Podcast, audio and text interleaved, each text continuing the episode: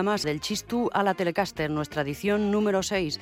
Al control Norberto Rodríguez, en el micrófono Elena López Aguirre.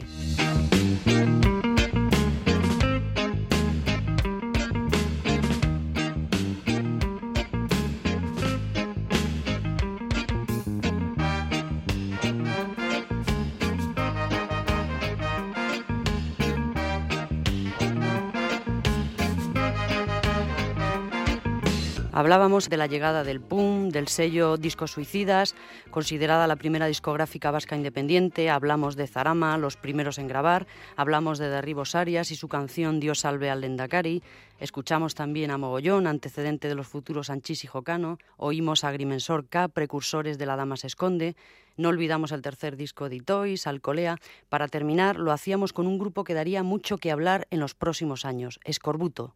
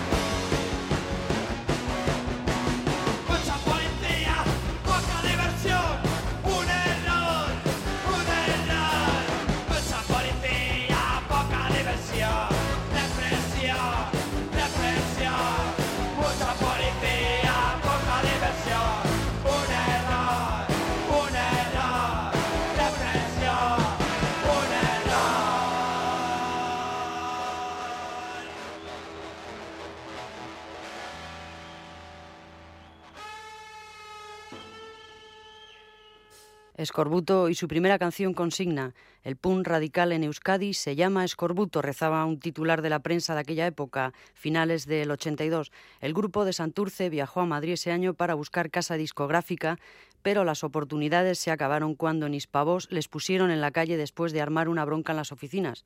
Tras el fracaso con las multinacionales, dieron con un sello independiente que acababa de nacer, Spansuls Records. Uno de sus representantes se quedó entusiasmado.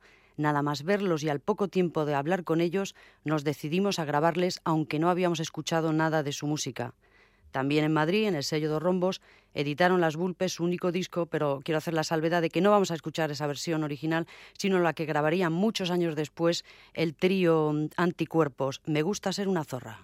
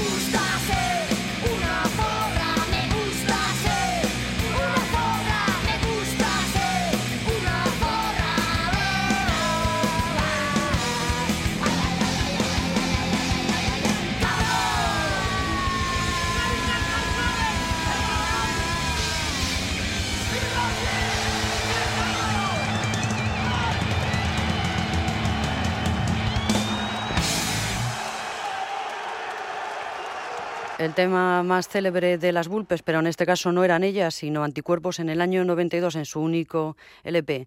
Antes de que la segunda oleada de rock ruidoso proclamara su militancia política y de que se institucionalizara socialmente el rock radical vasco, una primera avanzadilla espontánea e ingenua hasta la exageración había ya sorprendido la escena vasca. Escorbuto, Bulpes, RIP, Zarama, Odio, Alarma, Basura, Vómito, Cicatriz en la Matriz, Tensión, Optalidón. Esto lo escribiría Iñaki Zarata. Era el club El Crudo Invierno 82-83 y Pedro Elías Igartu aseguraba, si Arrabal o Artó hubieran jugado al rock and roll cantarían cosas como Busco en la basura o Rogaz a Dios por los muertos. El 16 de abril de 1983 se celebró en Oñate el primer gran festival punk. Ese mismo día se emitió por televisión española la canción de las Bulpes Me gusta ser una zorra.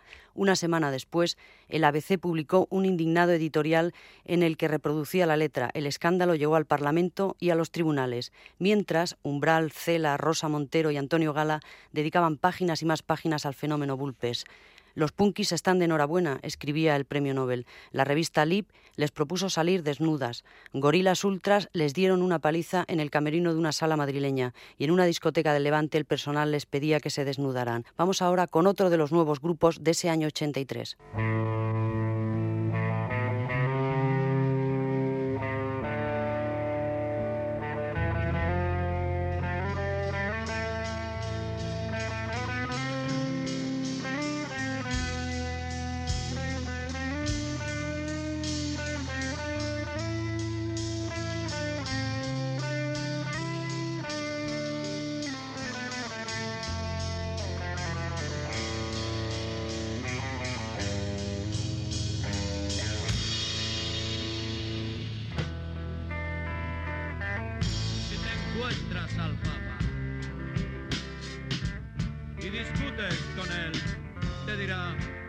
mío, aguanta los impuestos, aguanta sin comer y aguántate una vida con solo una mujer.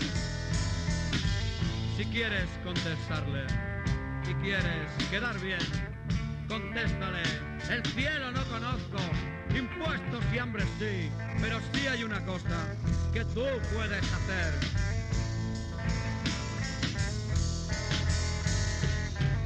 El Banco Vaticano lo puedes repartir. Si no vamos al cielo, queremos tu dinero.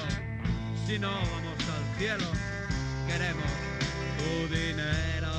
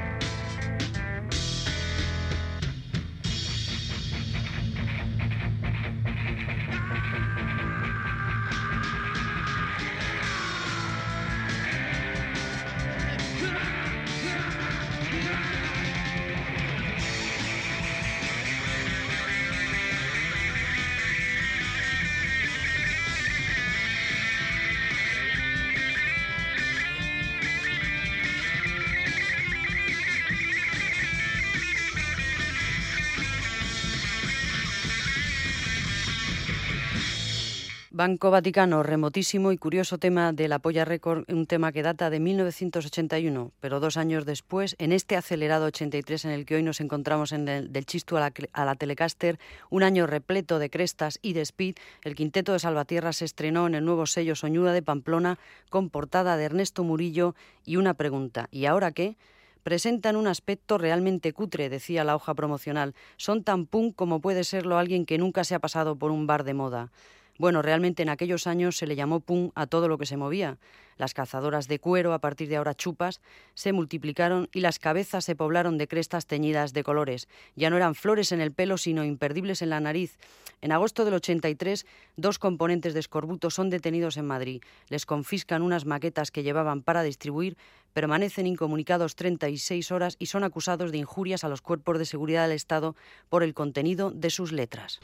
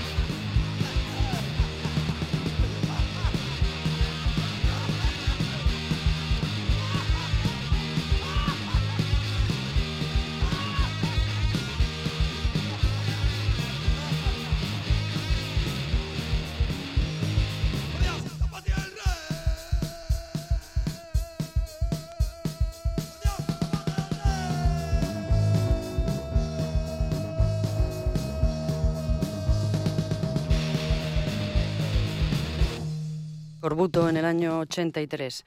El 16 de octubre de este mismo año aparece escrito por primera vez el término rock radical vasco en la página musical Placa Click de Egin, dirigida por José María Blasco, uno de los responsables del sello navarro Soñúa, además de manager de Barricada y La Polla Record.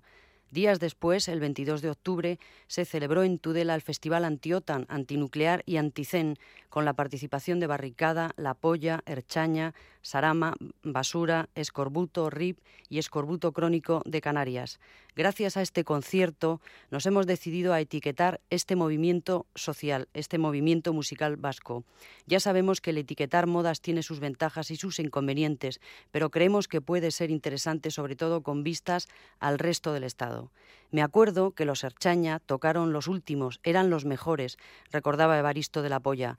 Allá todos eran punkis, Fokov y eso, y aquellos trozos de reggae les parecían pachanga, lento. Luego todos bailaron ska cuando se hicieron skinhead, cuando llegó el hoy, hoy, hoy.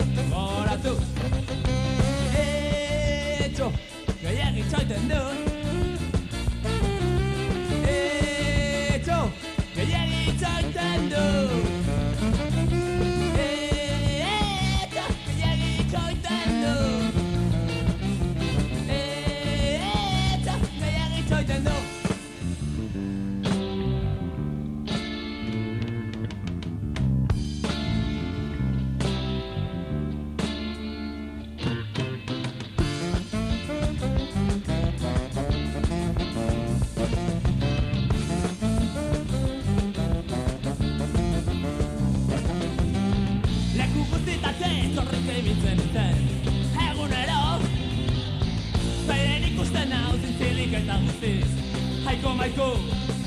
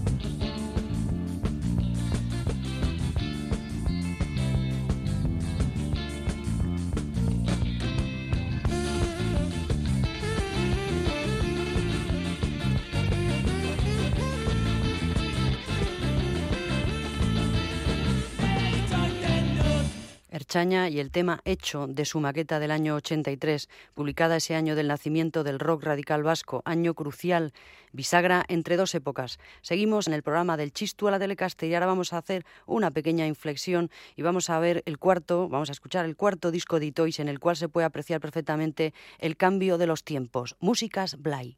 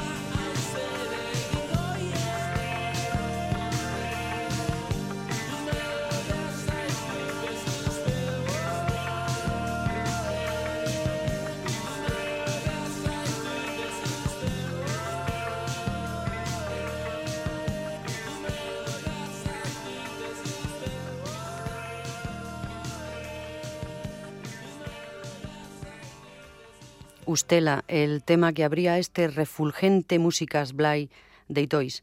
La CBS y otras casas de discos empezaron a ir detrás de ellos, pero Itois no quería dejar de cantar en euskera. Parecía increíble el cambio musical dado por el grupo en solo un año. Podríamos decir que habían experimentado una súbita modernización al igual que su entorno. Adiós a la flauta bucólica, bienvenido el saxo urbano y noctámbulo. Músicas Blay y su potente pop comercial demostraron a los más reacios que Juan Carlos Pérez y amigos hacían la mejor música pop rockera vasca en plástico y en directo, señalaba Iñaki Zarata. La experiencia sobre los escenarios, acumulada a base de chupar frontones y fiestas populares, dejó boquiabierto a más de un moderno ignorante empeñado en considerar el arte en euskera como algo fosilizado.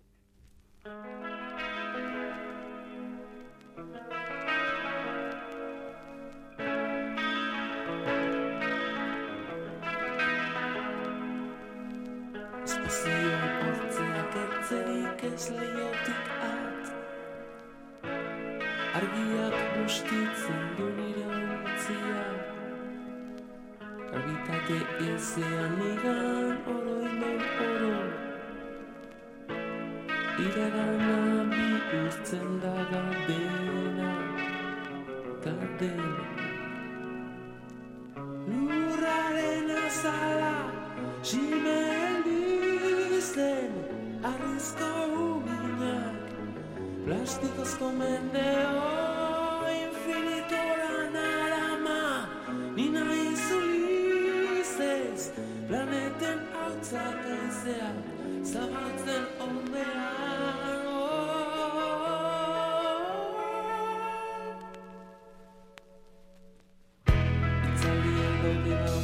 zoaren ondoan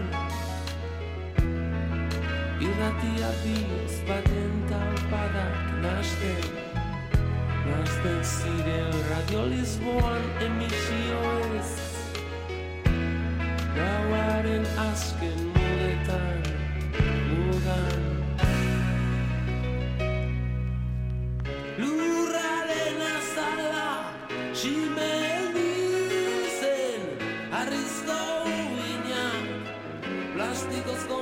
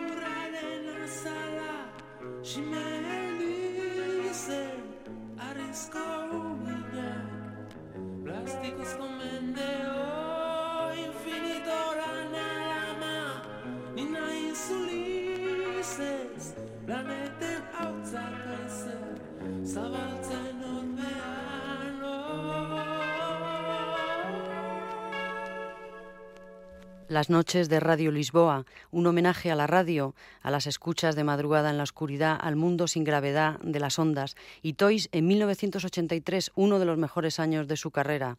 Carlos López Alonso en Muscaria escribía: el grupo más profesional se ha cortado las melenas y con las orejas libres para asimilar todos los sonidos que pitan, han abandonado la trastienda de los cánticos de ultratumba en la que estaban sumidos los músicos vascos y han dado a luz un vinilo que les pone en contacto con la gente de la calle. Y en la calle, decimos nosotros, uno de los ritmos que privaba era el ska.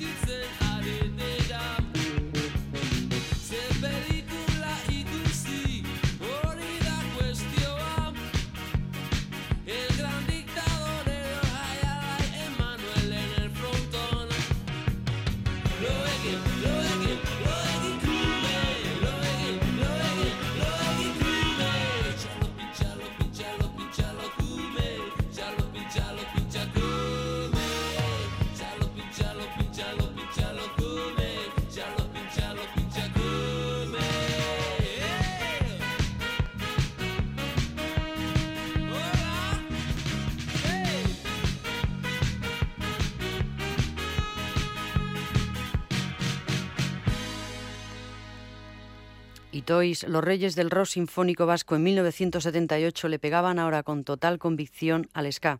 Pedro María Azcorra ironizaba en Muscaria. Se autodefinen como militantes de la música actual. Son los burgueses de la música vasca. Y Toys, mientras nos empapa con sus evolutivos temas, ríe ante una posible revolución musical en Euskadi. Por entonces, el líder de Itois declaraba el correo: No somos dogmáticos. Ahora se lleva lo radical, que es una forma de reivindicar haciendo música, lo mismo que antes hacían los cantautores. Somos unas personas que no tocamos mucho el suelo. Por eso las letras son fantásticas y nunca poesía social. Si queremos protestar, lo hacemos de otra manera, pero no desde el escenario.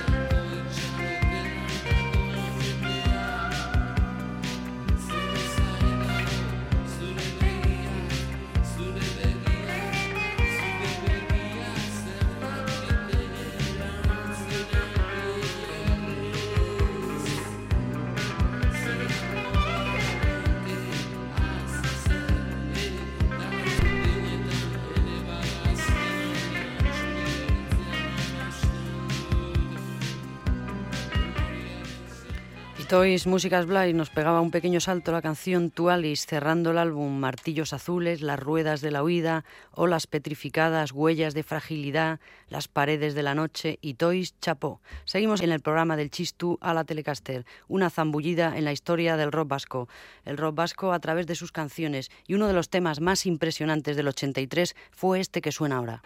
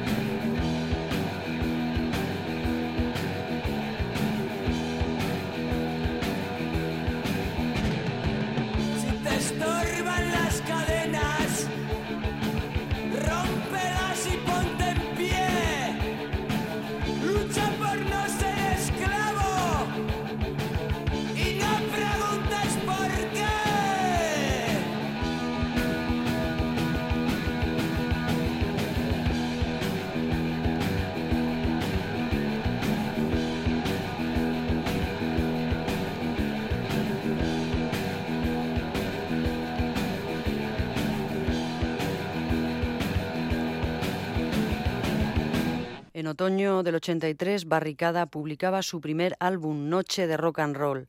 El vacío que dejaron Leño con su personalidad de grupo de barrio, su rock callejero y su sinceridad permitió que Barricada, ofreciendo más contundencia, más fuerza y también un mensaje más radical y muy ideologizado, llegaran a cotas de popularidad tan grandes que han sobrepasado el mero hecho de ser un grupo de rock con éxito para convertirse en todo un fenómeno social. Enrique Villarreal, drogas al bajo y a la voz, y Javier Hernández Boni, guitarra y voz, fueron los impulsores del grupo más emblemático del rock duro que había nacido barricada a principios del 82 de las cenizas de la Mili y de otro grupo llamado Cafarnaún.